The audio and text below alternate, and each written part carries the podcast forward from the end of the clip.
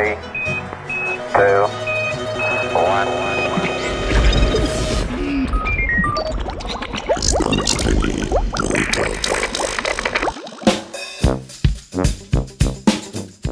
Mikrobno koreninjenje.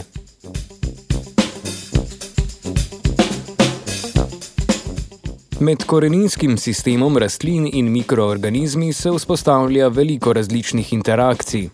Na misel pridejo bakterije, ki vežejo dušik ter naseljujejo koreninski sistem.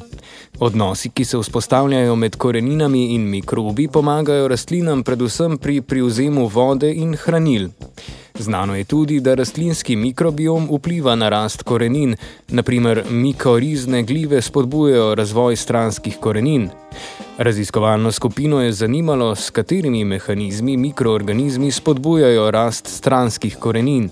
Študijo so objavili v The Proceedings of the National Academy of Sciences.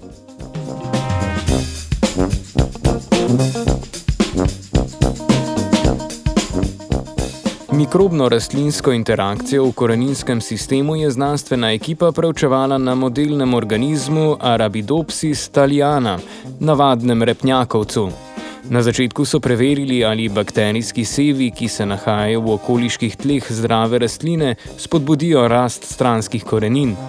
Za kar 89 odstotkov od skoraj 400 različnih bakterijskih sevov se je izkazalo, da vsaj v neki meri vplivajo na razvoj korenin. Največ sevov bakterij pa je spodbudilo stransko rast korenin.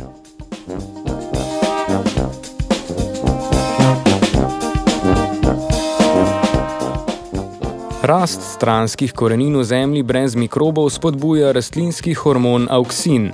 Z nadaljnimi poskusi so raziskovalci izključili možnost, da razvejanje korenin rastlin, ki uspevajo z bakterijami, uravnava auksinska signalna pot. V enem izmed poskusov so izbrane bakterijske seve nacepili na koreninski sistem več mutantnih rastlin repnjakovca. Te so imele okvarjeno regulatorno pot in ene običajne. Opazili so, da so bakterije kljub okvarjeni signalni poti spodbudile rast koreninskega tkiva, ki se bo v nadaljevanju oblikovalo v stranske korenine.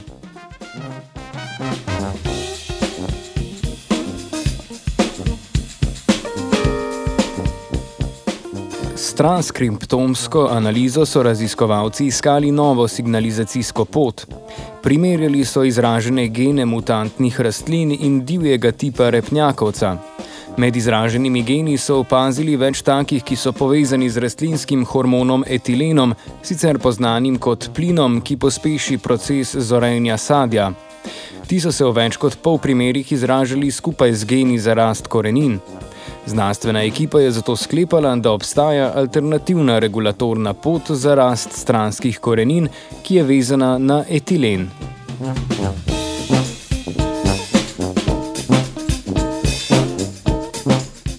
Opaženo signalno pot so potrdili tako z nadaljno analizo izraženih genov, kot tudi s ponovitvijo poskusa na rastlini Selaginela iz skupine praprotnic.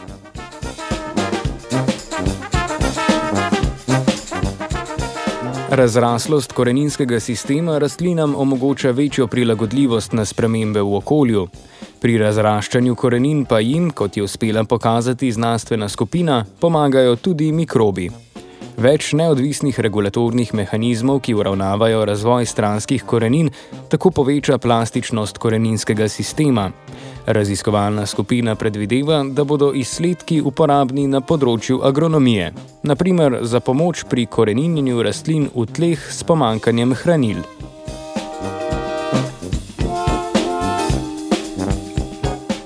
Z Britov je pripravila Klara.